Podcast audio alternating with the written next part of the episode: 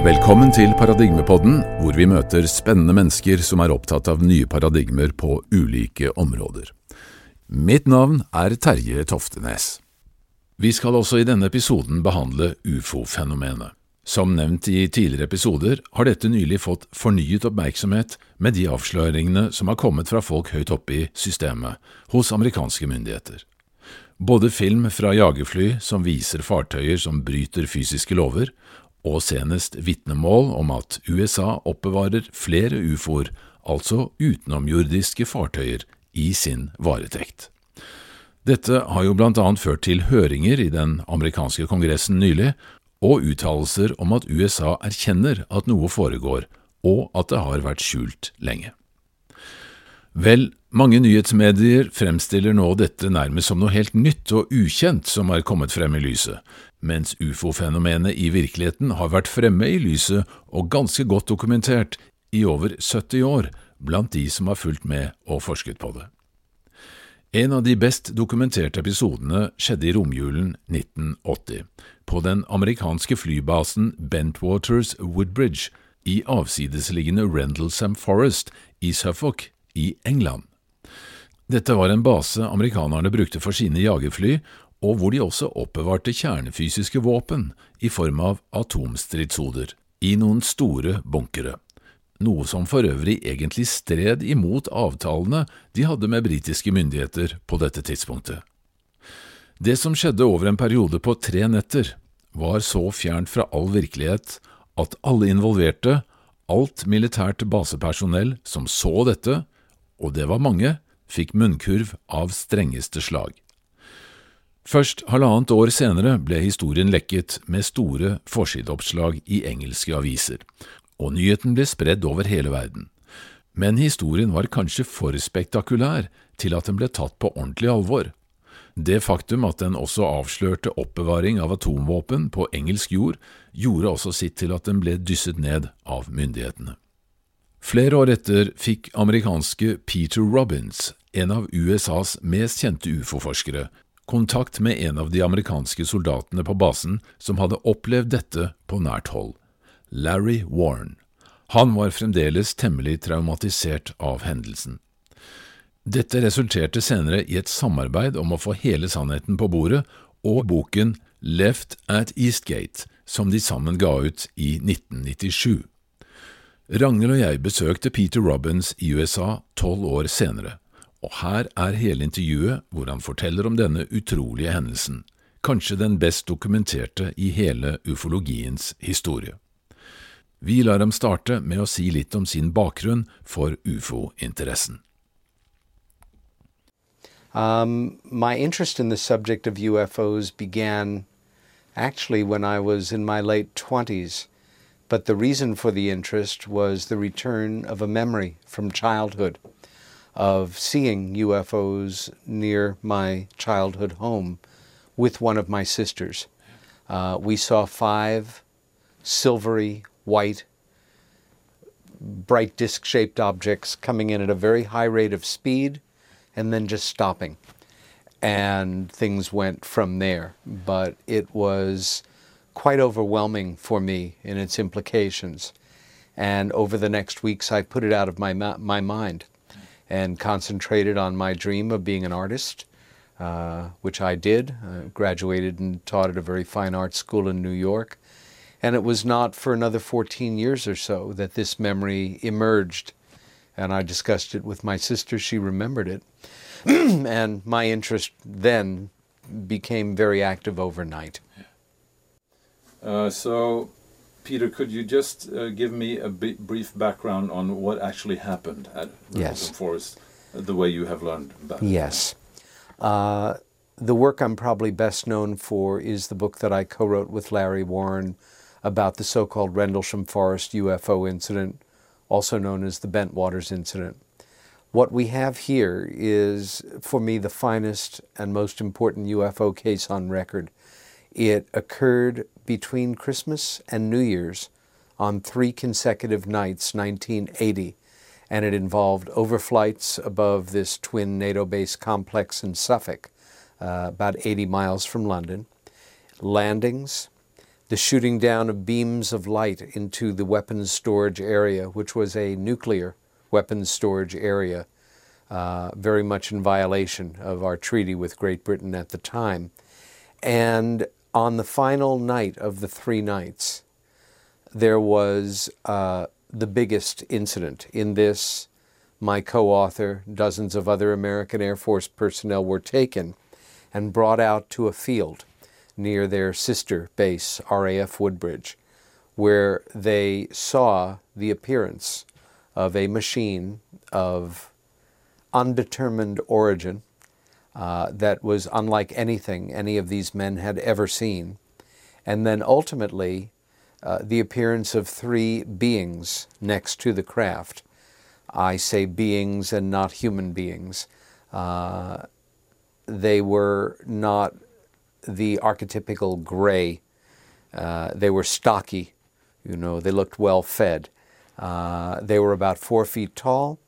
They had that same large cranial structure, the giant black sweeping eyes, almost no nose, a hint of a mouth. And they were each dressed in a suit, very tight fitting.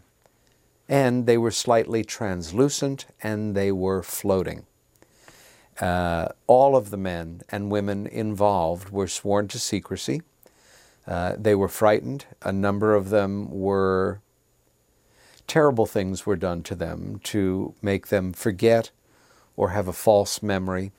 Uh, emotionally, this took a terrible toll on the men. In my research, I have, was made aware of several suicides, tremendous numbers of emotional problems, uh, problems that then destroyed marriages, um, and a trail of post traumatic stress disorder for my co author into many years past the event, and for many of the others involved. And after the book was published, we received letters, which are included in this edition, from many of the men who were involved that we wrote about by name.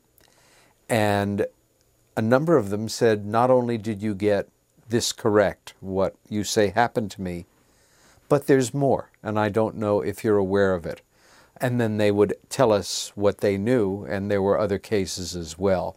But again, what we're talking about is over three nights, a series of appearances, landings, and when I say landings, I mean physiological traces, beta and gamma background, pressure points in the soil, uh, trees and forest canopies ripped out. And uh, it was all filmed by the United States Air Force and American intelligence. Uh, I think you understand that no film has ever been released, but it was shot by video, still camera, and movie film. This was an Air Force base in England, yes. Uh, which was uh, under. Uh, it was an American base leased from the British in a tradition going back to World War II, yes. And what was uh, kept on that base? Well, um, fighter aircraft and nuclear weapons. Now, for me, this was a tremendous surprise to learn this. And ultimately, not only did we prove it, it caused something of a scandal in the United Kingdom. It was ultimately confirmed by uh, Lord Admiral Peter Hill Norton, the former Admiral of the Fleet and Chief of Staff of the Ministry of Defense. Um, by rights of our the American treaty with the United Kingdom, we brought in a certain type of nuclear missile uh, under President Reagan and Margaret Thatcher, uh, called an MX missile. They were mounted on flatbeds of railway cars and could be moved in and out of tunnels. But that was in 1982, 1983. We had nuclear devices that could be, they had the insidious term of tactical nuclear devices. They could literally be launched by a handheld device or off the back of a Jeep. And my best information tells me that 350,000 kilotons of nuclear devices belonging to the Americans were kept in holding areas, specially built for this purpose, be underneath this twin base complex. Now, I don't have a military background nor an intelligence background, but as you might guess, you do this work long enough and you get quite a education in it. A one kiloton nuclear device can kill everything in a 10 mile circle. And that middle mile would be like glass. That is a one kiloton device.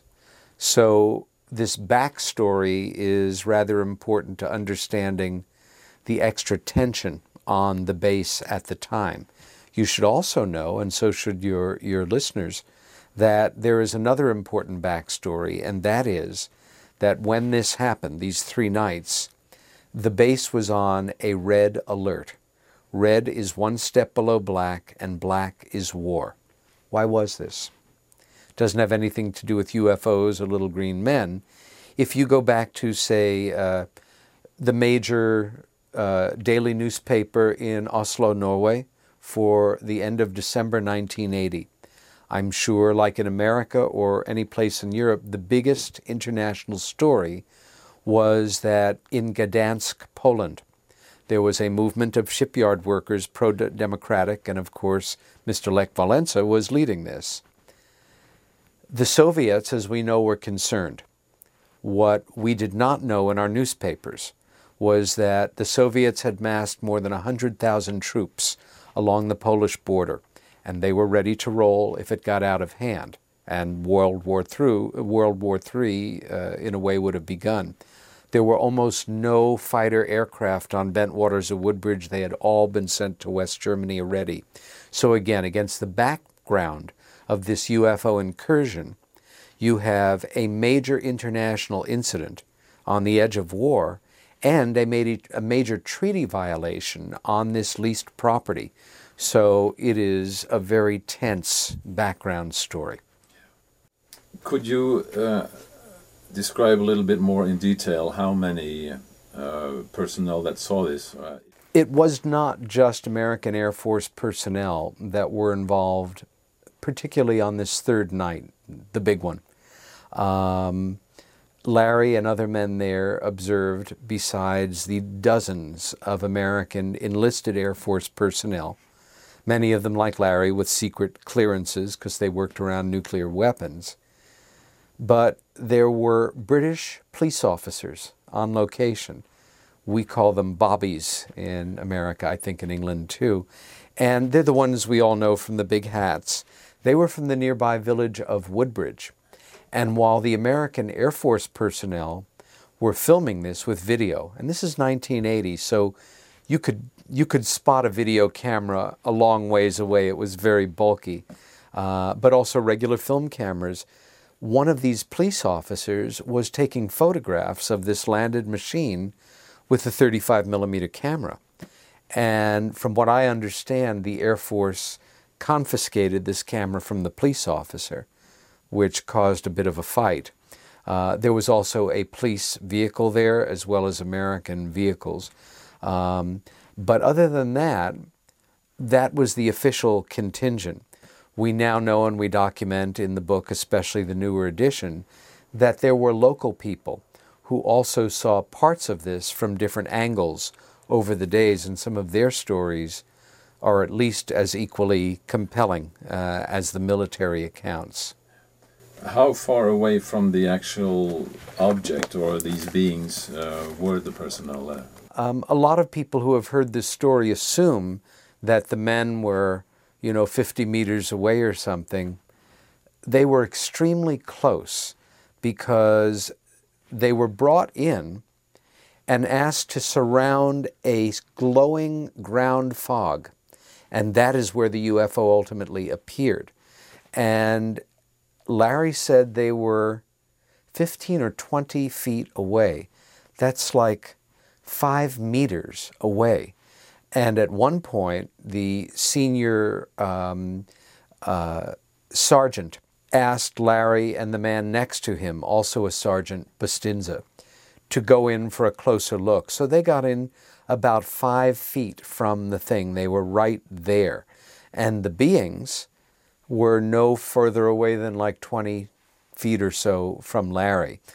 So this was all happening in extremely close proximity, very close up. Was there any kind of uh, contact or communication between uh, these two parties? A big part of the uh, the curiosity around this case, and indeed the myth and legend, is was there communication? Well, not of the overt kind. Um, we know that more than 70% of all human communication is not verbal. It is body language, it is the eyes, it is the nod of a head. Um, when these beings appeared, they looked at the human beings and the human beings looked at them. And no hands were shaken, no things were exchanged. Um, if anybody heard voices in their heads, I don't know about this. But it was a standoff. In that sense, I think it was a kind of passive communication. By this time, a uh, ranking officer, the base wing commander Gordon Williams, had come into the area, and he was the one who pretty much faced off with these beings directly.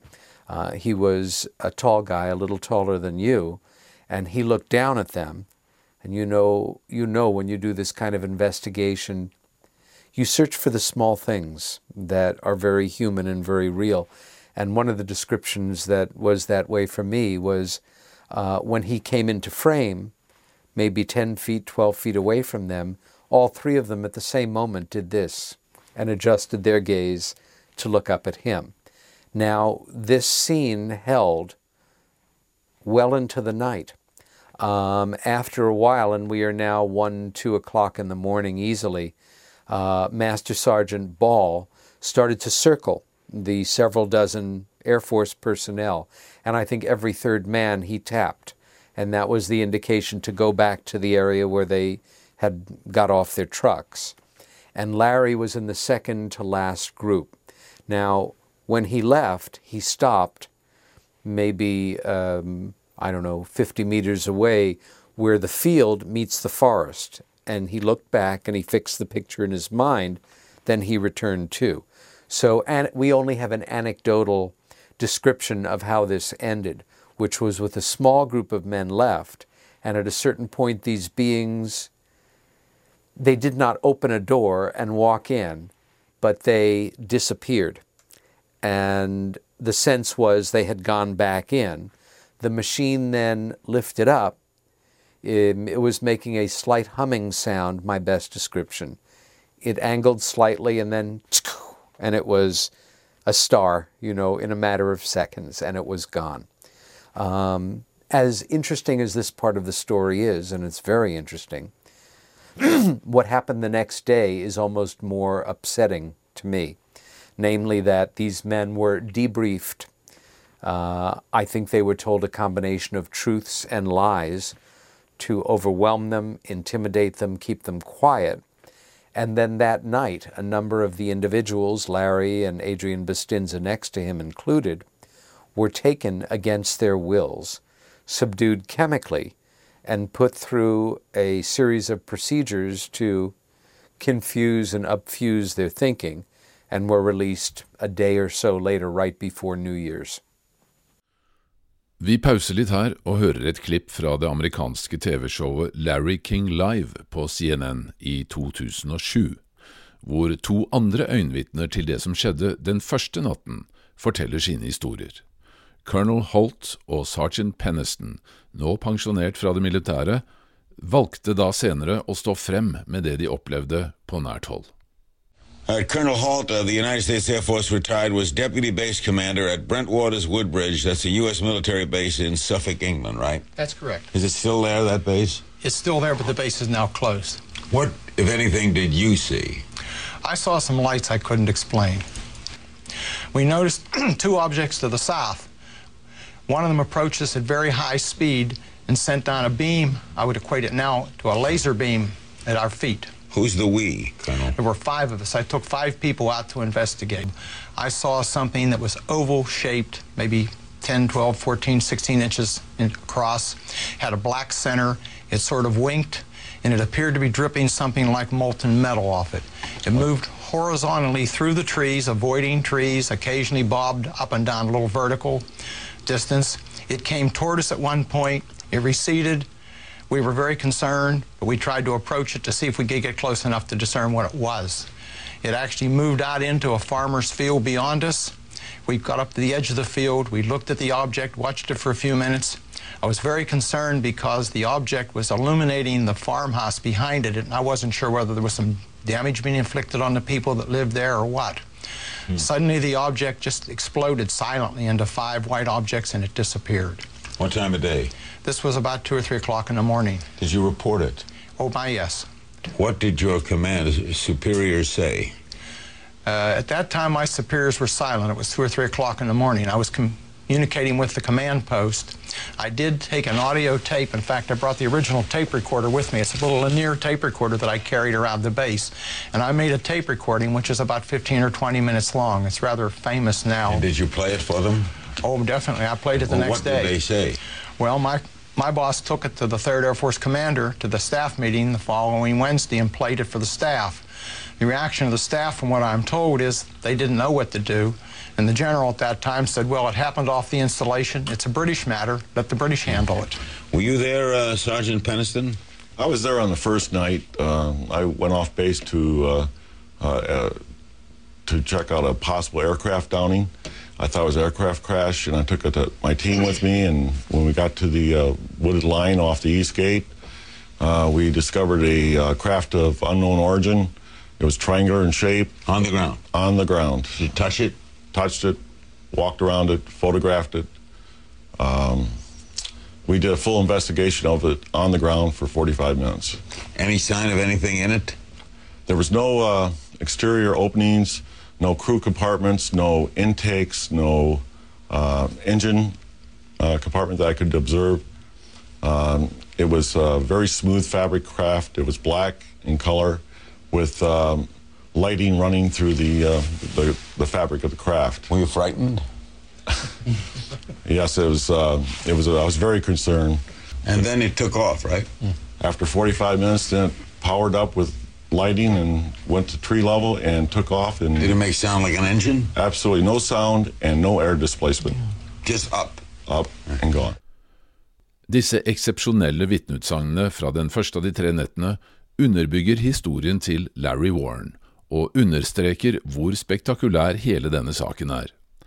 Vi spør Peter Robbins videre om hva han tror er hensikten med besøk utenfra som dette.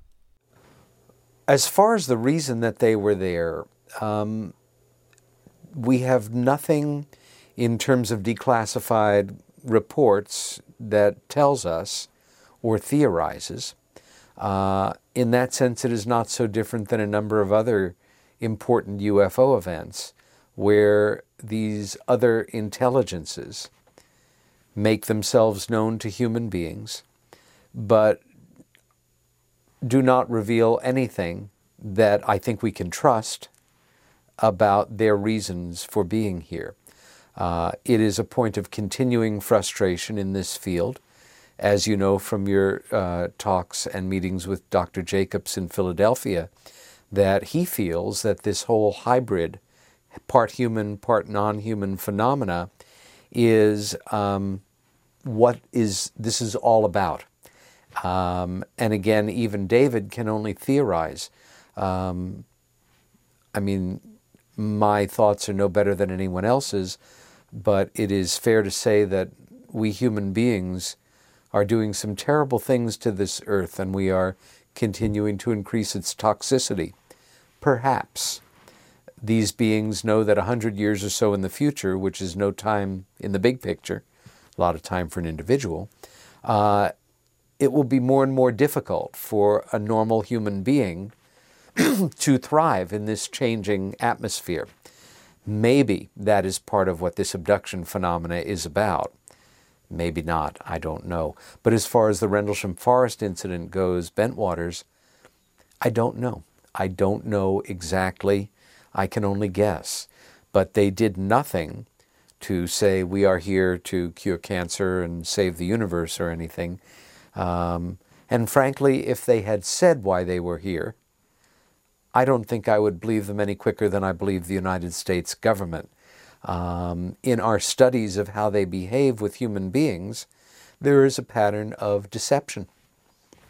And whatever their reason, I'm sure they know what it is and they are methodically going about it. But we human beings are still left to guess what is really going on. What is really going on. Uh, in the aftermath of this uh, episode or, or incident, um, I mean, there were, as you say, dozens of people who, who witnesses Yes. this, both uh, military personnel and also the local police. That is correct. And So- local individuals, Yeah. yeah, private And, uh, citizens. I mean, was this published uh, immediately after in the media? What what happened? What happened immediately after was all of the men involved, uh, all of the individuals were told uh, this is national security and it does represent other intelligences from other places. Um, however, we are in no position to make this public now, so you will now all be quiet, so to say. Uh, many of the men simply tried to get back to their lives, I think with great difficulty because it is impossible pretty much not to be haunted by these thoughts. I guess one of the things that sets my co author off from the other men is he actually grew up with an extraordinary sense of what was right and what was wrong. And he started to poke around and look into things and ask questions that they had been told they should not have. And early on identified himself as something of a potential problem. Uh, at one point, he was caught going through a filing cabinet by a more senior person who warned him not to do that. Uh, and ultimately, he got scared. Other men may have as well, but Larry was already talking about talking. And at a certain point that spring, he decided it would probably be in his best interests to leave the Air Force with an honorable discharge, which he was able to receive because at that time, uh, American service personnel were allowed to sign up for a certain job and make a contract with the military. In other words, if you are the Army and I am joining, I say, uh, I would like to be a radio operator, and if you teach me to be a radio operator, I will serve honorably as agreed. But if I get in and you make me somebody who does the laundry, and I am not happy with this, I can legally separate with an honorable discharge because you have broken your contract. And in fact, in May of 1981, he left the service with an honorable discharge. Returned to civilian life in America, but was very changed, very angry, frustrated, maybe a certain amount of fear, uh, not adjusting well to civilian life at all. And after two years of this and feeling like he was really suffering from not talking about it, he found, um, well, or they found him, I forget, but it was another police investigator, this one a lieutenant in a Connecticut police force, who had done a lot of Freedom of Information Act work and all, and he and his partner started to work with Larry, uh, hooked him up with his first speaking dates and things, and they put together a Freedom of Information Act based only on information Larry supplied. These were the men who I remember being there. This is the time frame. This is what happened. These are the locations. And they used this to get a Freedom of Information action. About a year later, that caused the release of a one page document, which for the next 20 years or so was the only authentic document we had about the case. It's called the HALT document. It was written several weeks after the fact by the base deputy um, director, um, well, the second in charge of the base. Uh, he was a full lieutenant colonel. The letter collapses the events. It um, does a certain amount to smooth them out. But the letter was sent as a courtesy to some British researchers who, one of them in particular, sold it to the News of the World, the biggest tabloid in England. And the, the News of the World carried the story as front page headlines in October 1982. And the story exploded that week all over England. Every newspaper carried it. And then overnight, it became this big British case. Uh, from there, um, that is how the genesis started to happen. Um, when Larry came forward, none of the other men were willing to do it. And with good cause, I don't think I would have been. But ultimately, as we started to work on the book, others came forward and gave us their accounts, civilian and military. And then when the book came out, again, we had the great good fortune of having other individuals write us, Yes, I was there, you got that right, but let me tell you the full story. And then six months later, this happened to me, etc., and so forth. Yeah. But let's go back to that debriefing again. Yeah.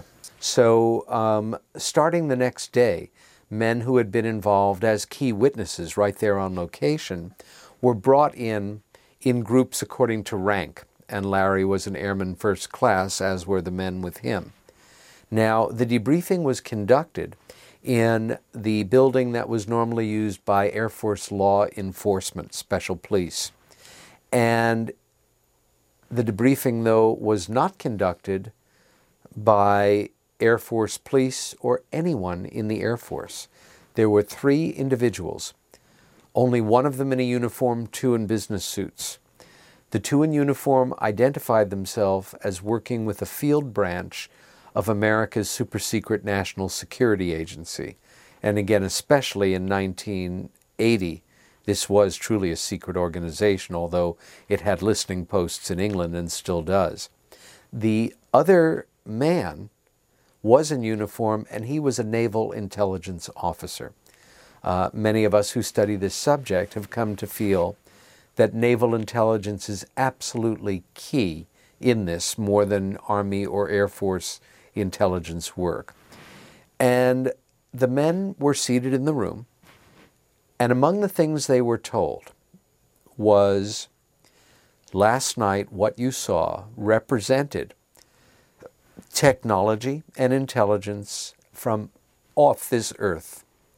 These other intelligences have come and gone with impunity since before you guys were born, and their reasons for being here, we are not sure.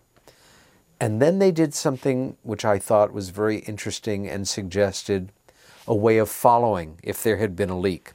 They were given a specific number of other intelligences that come and go from the earth, and it was a pretty extreme number. I think it was 156 civilizations or something. Now, in disinformation, what you want to do is produce a result with the subject based on taking real facts and complete fantasy and mixing them up in a way that it will have a very specific impact. So they tell these young men, beings from 156 countries, uh, um, other you know places are coming and going, and this is the way it is. And we have a film we want to show you, men, and it does has no narration. When the film is done, your debriefing is done. And uh, we hope this will help you understand it. And they turn it on, the lights go off. I have this memorized, of course, very impacting on me. The first footage they see is very grainy, shot from uh, uh, an airplane. Uh, it is wing camera, gun camera footage. It is World War II. And because of the ground cover and the aircraft, it looks like maybe it's uh, the mountains in Italy and it is um, American planes flying in a formation. And something comes out of nowhere. It is a bright white disk and it just kind of goes across the frame. Then they cut, and it is more footage like this. Then they cut again, and it is now a different quality of black and white film it seems to be Korea because of the uh, Chinese MiGs that are being filmed, obviously by Americans who they don't see yet. The MiGs are here, the ground is there, the plane filming it is here. And it is a formation of these uh, Chinese communist planes. And again, a disc shape comes from outside the frame, but comes so close to the plane on the far edge it destabilizes it. And we watch as this plane spins and gets smaller, and then we see the explosion on the ground. Then the film cuts again. Now we are in Vietnam, and it's either 8 or Super 8 handheld. And it is a long shot in the jungle. And what we are looking at is a thing. It is a big black triangle, and it is rising slowly out of the jungle. And the camera is picking up pieces of foliage, branches, and things falling off of it. And we watch it rise in the air. But the last bit of footage is obviously the most impacting. We are on the moon, and it is some astronauts, uh, obviously, one taking a picture of another. Now, to the best of my knowledge, the Americans or nobody else landed in a crater. At least, not that we have been made aware. This seemed to be a crater because at a certain point, the astronaut in frame starts to go like this, and the camera follows his hand up to the edge of a crater. And on the edge, we see like one, two, I think three ellipses, disks, just sitting there. They are obviously not natural. And then again, we go back to the astronaut who you can't see his face, but our sense is that he is shocked. And then the film runs out. And no questions are answered relative to the film. Uh, my co author at one point asking about what happens if people, if somebody did say something. And one of the NSA guys says, bullets are cheap. And that may sound like a made up theatrical phrase, but we have, I have testimony from two other men who were in that same room who, with no prompting, said, Yes, I remember, bullets are cheap. And that is the basics of the debriefing uh, as we understand it. I think it worked very well in that, to the best of my knowledge, almost everyone in that room just was good and righteously intimidated and did try to go on with their life. Uh, again, ultimately, some of them did come forward and some of them gave us statements for the book. Just to um, kind of wrap up the story, if you, in short, could tell us a little bit uh, more about uh, uh Larry's life after this. Um, my co author, Larry Warren, is also an American. Um, he joined the Air Force for all the right reasons to see the world, to get some money for college, to have a uniform, to get a girlfriend, all the reasons that young men have always joined. And when he left the service, I've spoken to people in his family, high school friends. He was a different man. He was much more defensive. He was the angriest person I ever met when I met him. He was a man on a mission to try to find out what had happened to him. Um, Ultimately, he was married. The marriage broke up under the stress of this, I think it's fair to say. Uh, he has he moved to England uh, about seven years ago. Has lived there as an expatriate. Has been married and divorced there. Uh, has a wonderful son there, and I think he is a real American hero in his way. Uh, without him, none of us might have ever ever known about this story, or it might have taken many, many more years for it to happen. And a year ago at Christmas, I went back to Suffolk, as I often do, but this time I went and I brought my family. And Larry met us there, and people converged from all over England to be there for the 25th anniversary. And uh, once again, it was covered in the newspapers, as is the case. I don't think this one will ever go away. It has elements of every kind of evidence that we have ever known about in the whole UFO phenomena. You have air to ground uh, sightings, air to air sightings. You have the things picked up on radar, uh, civilian and military. You have government paperwork. You have not only physical changes to the soil where this thing sat, but we have documented the physical changes. We also have photographs of it 10 years later with the field already going to hay and yellow, and the spot where this thing sat is still green. That soil creates mutant plants that take longer to grow. Uh, we have tremendous amount of testimony now from totally credible, honorable witnesses, local British people, uh, active Air Force people, retired Air Force people, and now uh, a number of people within the British government who have gone on record to some degree. So we have more documents now as well from the British, and one can un- only wonder what the Americans and the British are holding back. But um, again, I have to say, I think it is the most important single case I am aware of. It does not have the uh, some of the drama and overwhelming storybook quality of Roswell, but the fact is Roswell is 60 years ago now, and we don't really know what happened there. This is the one you could take to court and establish that we are dealing with a truly unknown phenomena that should be investigated seriously. The question that, of course, pops into your mind when you hear a story like this why is it i mean what are the intentions from the these military uh, authorities mm. in keeping this closed away from the public? I yeah. mean this is um, probably one of the most uh, fascinating things happen on earth and in our lifetime. Yeah. Why keep it away from the public? Have do you have any any explanation of that?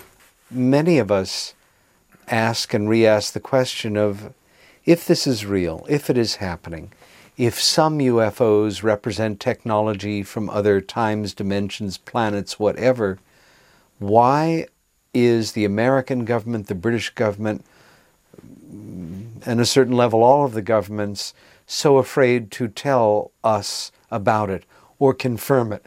in South America, this is not the case. It is dealt with more openly. Certain governments do not seem to have the problem that others do. I don't know the answer, but I think I know why it may be the case.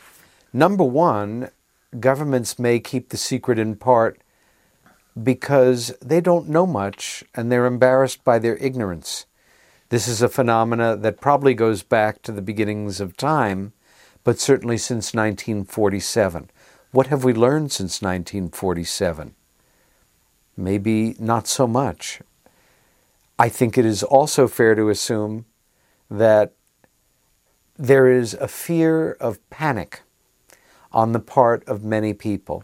Let us face it, most of us have been brought up with a fantasy of aliens from other planets, and they are either very good and very nice, and here to help us with the earth, or they are not very nice at all and like Mars attacks and want to kill us and take over. Um, I think another reason is if they are coming and going, it is probably a method of propulsion that would make all of our technology obsolete. And even though if we had it, it would be years away from making it practical, the possibility of the stock market going down, of uh, petrochemical industries suffering a panic because the public now knows that out there somewhere is a power source that could revolutionize the earth. Uh, I personally feel that more and more in modern times, uh, last few decades, we have, let us say, several hundred million people in the world who, let us call them fundamentalists.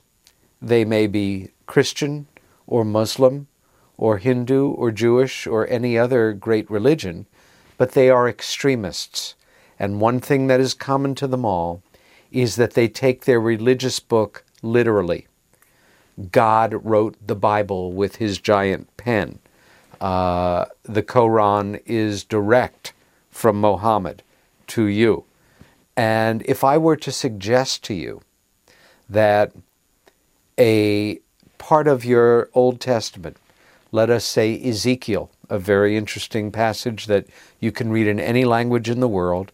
Ezekiel is out on the desert taking care of his sheep, and lo, a wheel within a wheel comes down of the appearance of burnished beryllium, and out of the wheel comes angels, and the angel is also in the appearance of burnished beryllium and the wheel within a wheel has eyes all around.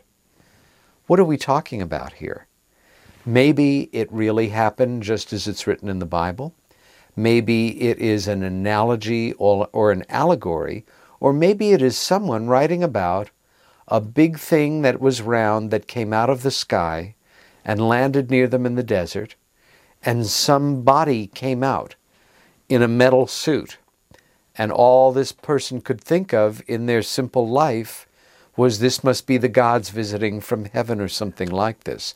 Now, if I suggest to you that this story from your Bible, which you feel there's no room for interpretation, was an absolutely understandable, with all due respect, misinterpretation, and that it was really an intervention from another dimension or time, you might rather kill me, kill the truth, or blow up the world because the devil is here.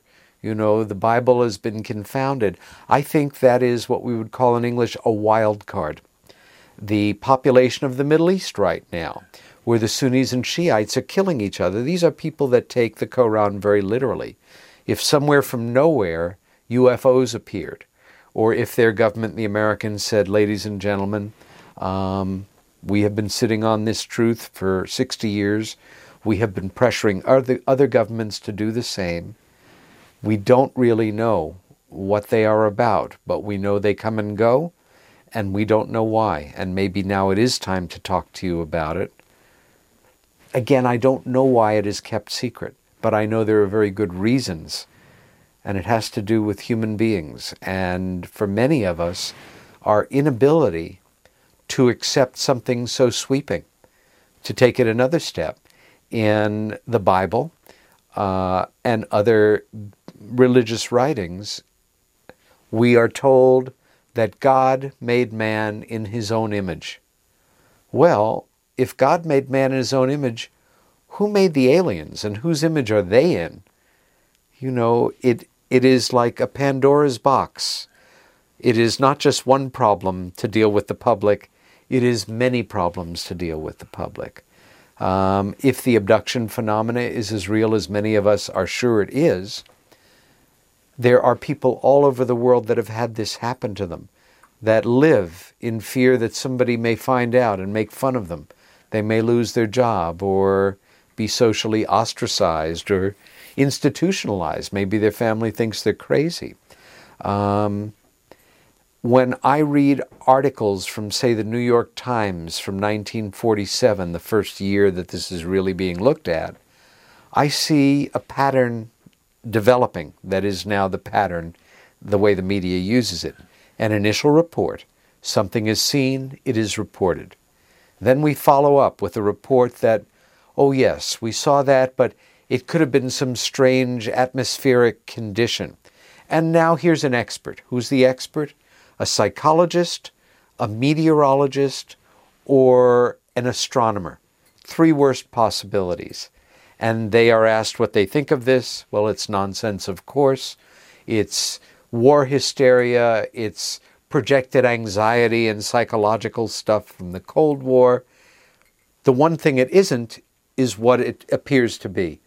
Why? Well, it just couldn't be that. You know, this is the kind of logic that we deal with over and over, generation after generation. And it's one of the reasons why the best people in the work are the ones who can articulate some of these tremendous problems in the way that human beings are kind of wired up about this. From the beginning, from the very first reports, the very first week after Kenneth Arnold has his sightings in June of 1947 in Washington state, we are already getting reports that wire up thinking you've seen a UFO with the potential that you are mentally ill. That joke about, oh, you're seeing little green men in flying saucers, that's nice. Um, and you know what? It still sticks in many cases. Now, you know from your work, I know from my work, more and more people take this seriously. And they have no problem saying, yes, I am open minded. Maybe there is life on other planets and it comes to visit us sometimes. Well, that would make sense. We know the Vatican now has a chair in extraterrestrial studies.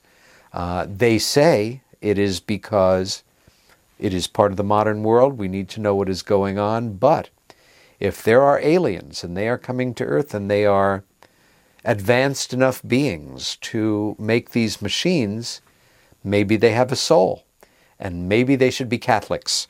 So when they come here, we will make them into Catholics.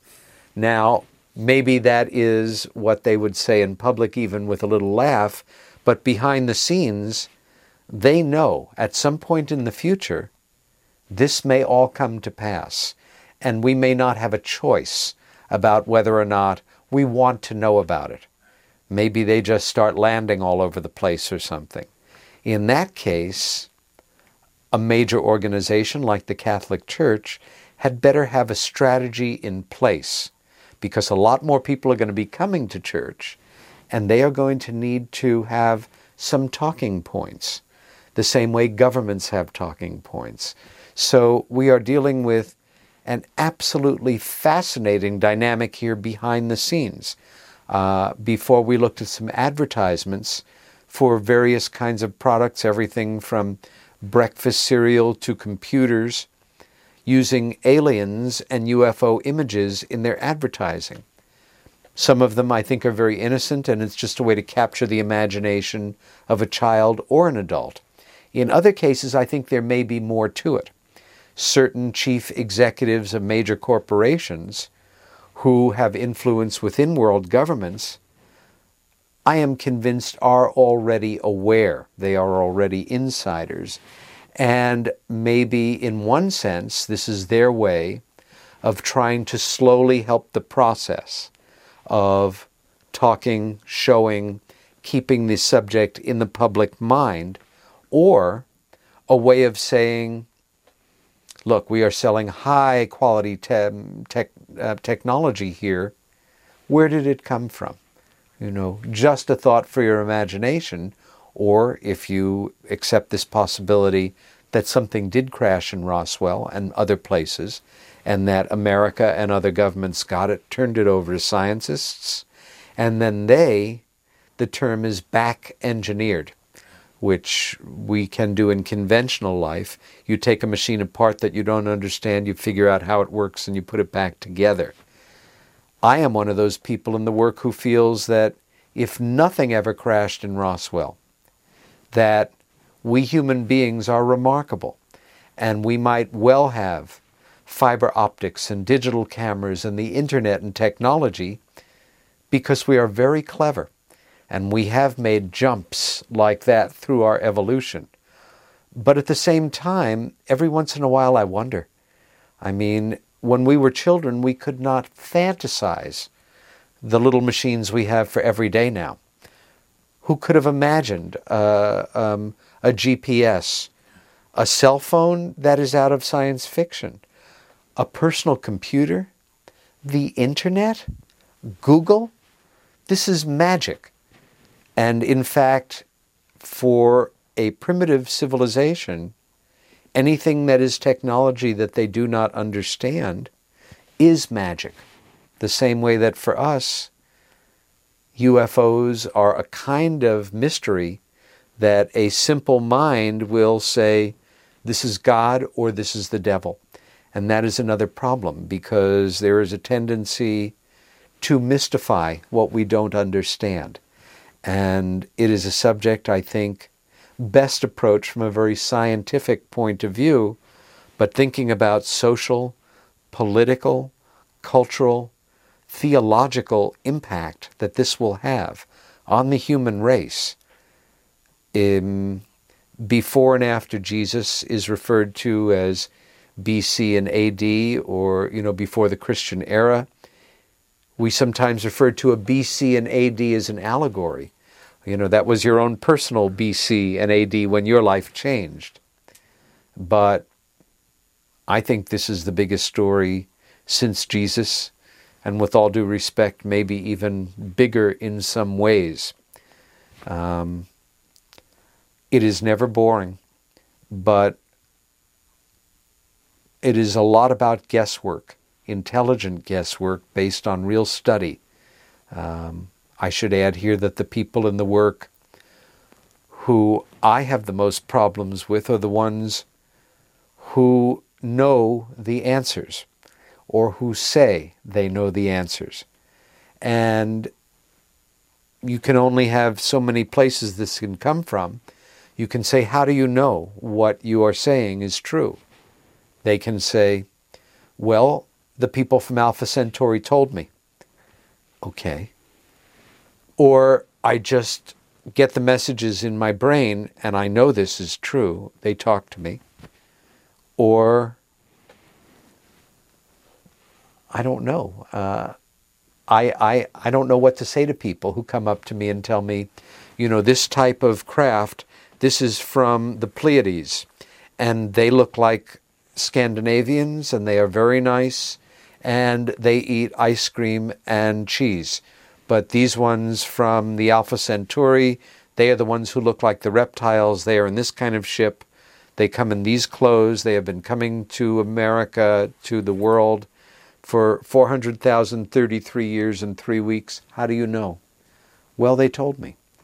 And I'm joking here a little bit, but you know, if you go to any UFO conferences, there are always people who are this point of view. Um, as I've said, that if there were one UFO incident that could prove the reality of this is a genuine paranormal phenomena, it would be this case with all of the different types of evidence. The real problem is no court in the world wants to hear this case. Um, they would dismiss it, I think many of them, if such a thing was real. Let's just say, following the American model and Roswell and the government cover up, it would leak.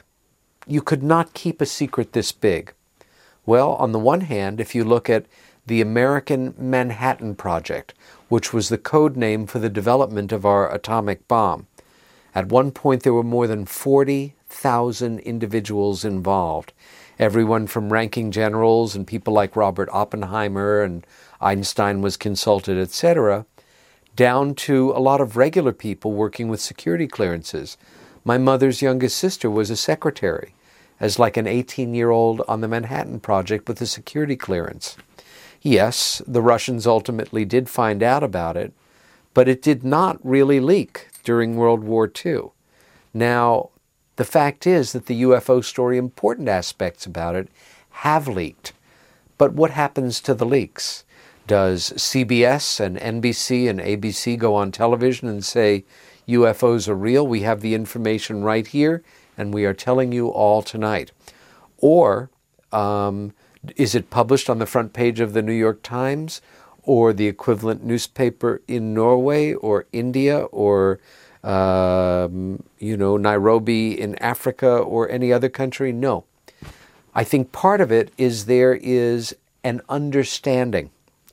It certainly exists um, between America, England, Canada, New Zealand, and the first world English speaking countries. They have intelligence sharing go back, going back to the 1940s. Also, let's say, bearing in mind that universities often have the finest observatories and good schools to study the cosmos.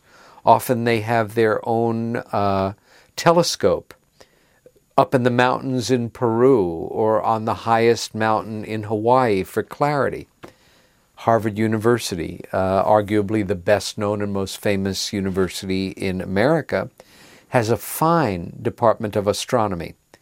If their students or faculty were studying the stars one night and saw a big hunking UFO, obviously a machine coming toward Earth, what would they do? Call the television station and say, We're sending some astronomers down with some footage to show you how real UFOs are? I don't think so. I think, from what I understand, there is a first world agreement among academics who are even remotely in this area. If you found something that proved or offered proof, like um, that there was life on other planets, you have made a close up photograph of a part of the moon. And there is stuff on the moon that is not where it should be or it looks man made. And you can absolutely prove this photograph is from the moon and it shows a ruined shopping center from 50,000 years ago. Or we now know, uh, we seem to know, that there was water on Mars, suggesting their water is still on Mars, which could be the building blocks of life. But who's to say they don't live under the surface? It's very inclement there. The climate is horrible. But let's say we have the proof. Would you be able to go to any newspaper and just say, here, this is amazing, publish it? They would not publish it. I think they would feel the necessity to check it out with their government rather than a peer group or something. And they would be told, no, this is a matter of national security. We need your continued support. And I'm being hypothetical here, but I don't think off the mark too much, that I think many major media uh, organizations have maybe a key individual, maybe a founder, maybe a chairman, maybe a ranking executive, who is aware to a degree and who is representative of those people that will keep the media poking fun, having its sarcastic remark about a UFO, uh, raising the eyebrow when you report it on television. We've all seen it because that's the patriotic thing to do. It is the greatest lie of the 20th century, if that is true. It's just below the surface of history. And whenever it comes up above the surface, it's, oh, UFOs, flying saucers, that's funny, you know. But below the surface, the governments know they're real. Anybody who has had an experience knows they're real. Anybody who has looked up in the night sky and seen something going along that you think is a little uh, weather satellite, I have had this experience. And you're just watching it almost absent mindedly, and at a certain point, it goes like that. We don't have anything that we know of that can make a right turn in space. It just hasn't been invented. It would take the pilot's head off. I don't care where it comes from. In fact, at this point in my work, it's just not even something I really think about. If it's from another planet or solar system or universe or dimension or time, in a way, it's still the same story. Um, it is totally not ours, and it lives alongside of us, and we can only guess at what the implications are here and what the heck they want of us. At our best, we are extraordinarily fascinating creatures, and we have an element that is never ever associated with these other intelligences. I would sum it up by saying it has to do with the world of our emotions. Maybe they are so inbred or so advanced, if that's the word, that they are not much more than these streamlined creatures that survive and create these amazing things and have huge brains and can conceptualize and communicate telepathically, but there is nothing left of strong feelings other than the survival instinct. It's another hypothetical for the uh, hybrid phenomena, that there is something very positive about that primitive vitality that is manifested in terms of rage, love, uh, passion, righteous indignation, the world of feelings and emotions that informs everything that we human beings do in our lives. That if they had their giant cranial structures, and some real feeling. They might be tremendously more valuable to themselves and be able to live fuller lives. Many of us feel that the so called grays, if they are the product of breeding, that it does not have to do with what we would call sexuality or you know strong feeling or orgasm or love or any of that stuff they're probably laboratory critters that are bred to do a certain job, do it with. Helen had one of her wonderful descriptions, my sister, who was an abductee, remembering one of her experiences on a craft and being asked to describe these grays and how they behaved. And she said it was like being in a well run dentist's office. They're just like little nurses going around without any affect, just doing what they're supposed to do and then disappearing and leaving the real interchanges to maybe a higher order creature or one specially bred for that purpose. Again, I'm now going off onto a what if kind of tangent, but ultimately, I would rather have the knowledge that I really know nothing for sure, but that based on my study and intelligence and the information I've been privy to, that I can make certain logical deductions, than think I understand it all and know it all because they told me. I that doesn't work for me. Great, this is so great. Would you uh, mind to share a, a, little bit about your sister's uh, experience? No, I'd be glad to. Um, I became involved in this work to the degree that I have because one of my sisters um, had a series of experiences in her life that we talked about for the first time many years ago. And certainly some years before, it was a topic of popular television or popular entertainment that she had had abduction experiences with these other intelligences. And for her, it made her um, angry, it made her frightened, but it also made her feel special and develop a understanding or appreciation of the world as a place filled with mysteries and unknowns. Also, I think in some strange, well, in some very real ways, in having had these experiences gave her a certain amount of courage and imagination to live her dreams. And she wanted to be a singer and a songwriter and a performer and an actor, and she was, and a very good one. Um, but she explored two or three of these series of experiences. I don't remember how many she felt she had had in total. What we find is people that have these experiences, they start in childhood, often following a family bloodline or an individual in a family. Uh, and David Jacobs, I think he's been able to go back like four generations or so.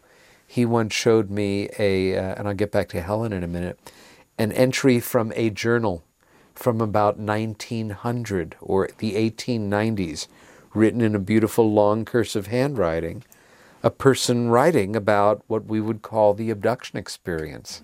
Very touching and unnerving at the same time. Uh, my sister and I did not discuss this for years, but after we did, it became a topic of fairly regular discussion. We were both interested in it, and she, well, we both wanted to give it some perspective. And this is about the time that the now uh, very well known investigative writer and researcher on this, Bud Hopkins, was beginning to work with individuals that said they had these experiences. And uh, one of the things that he used to do was run support groups where people who felt they had had these experiences could get together and essentially, like any support group, uh, draw a little bit of strength from each other, know that they wouldn't be laughed at, and uh, share certain aspects of it, ultimately with the hope of beginning to normalize it the idea was never, and it should never be in a therapeutic, to make that your lifestyle, but to use it in any way that you can to then move on in your life. And she was there on and off for a number of years and then did just that and moved on. But up until she died, she was very outspoken about this. Uh, as a songwriter, it sometimes came up in her lyrics. She would discuss her memories in interviews and magazines. And um, I think it was very empowering for her not to feel at effect, not to keep it a secret. Uh, David Jacobs, Bud Hopkins, Dr. Mack, when he was with us, all of us saw statistics that made us feel, much to our shock, that this happens so often that it is fair to say that every one of us know at least one person, possibly more, who live with this as their secret life. In fact, that was uh, title of Dr. Uh, Jacobs' book. And what he's referring to here is you're living a life. You know, you're maybe married, you've got a job, you've got kids, you've got dreams, but you know this has happened to you. You may have partial memories or full memories. You may want to embrace them or normalize them. They may terrify you whenever you think of them, but it's a secret life. And if that's true, you know, the, the world is like got sort of a ghost network of people that may even make sarcastic remarks about this if it comes up. Helen had tremendous recollection and again, never really forgot it. She just didn't really have anybody to talk to about it. And um, I have a file over there, and one of the things in the file is a transcript of her being put under hypnosis for the first time. Um, she repeated it with Bud Hopkins as well. She remembered being, uh, for example, being on a metal table in a room that had a curved wall, and that there was this one large being uh, and the smaller ones, and she was there. She could not move, even though she was not physically restrained. She was a little 12 year old girl, and she was frightened, and yet, you know, the uh, big one could literally just touch her, and all the fear would disappear, and you're filled with love. Um, she felt they were extremely manipulative, that they uh, were very duplicitous, that they lied that, again, that example I used earlier in the evening, that while they were doing some kind of procedure that might have been intrusive or painful and frightening, they are communicating, and it always is telepathic. She is hearing a voice in her head saying in so many words, We'd never hurt you. We love you. We won't hurt you. While they're hurting you and um, we love you, you're special. Um, and then years might go by, and then another experience might happen.